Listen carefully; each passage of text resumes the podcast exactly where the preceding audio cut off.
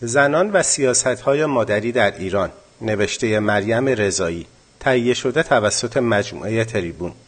کتاب شهروندان باردار زنان و سیاستهای مادری در ایران نوشته فیروزه کاشانی ثابت استاد دانشگاه پنسیلوانیای آمریکا کتابی پژوهشی با رویکرد تبارشناسی تاریخی است که به مسئله زایمان و اهمیت آن در سیاستگذاری دولت در حوزه بهداشت عمومی پرداخته است.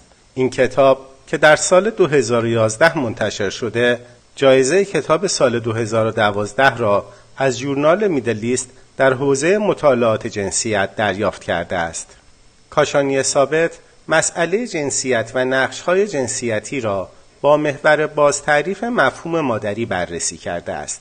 او به سراغ سیاست گذاری های جمعیتی در ایران و ایدئولوژی های ناسیونالیستی در پس این سیاست ها رفته است.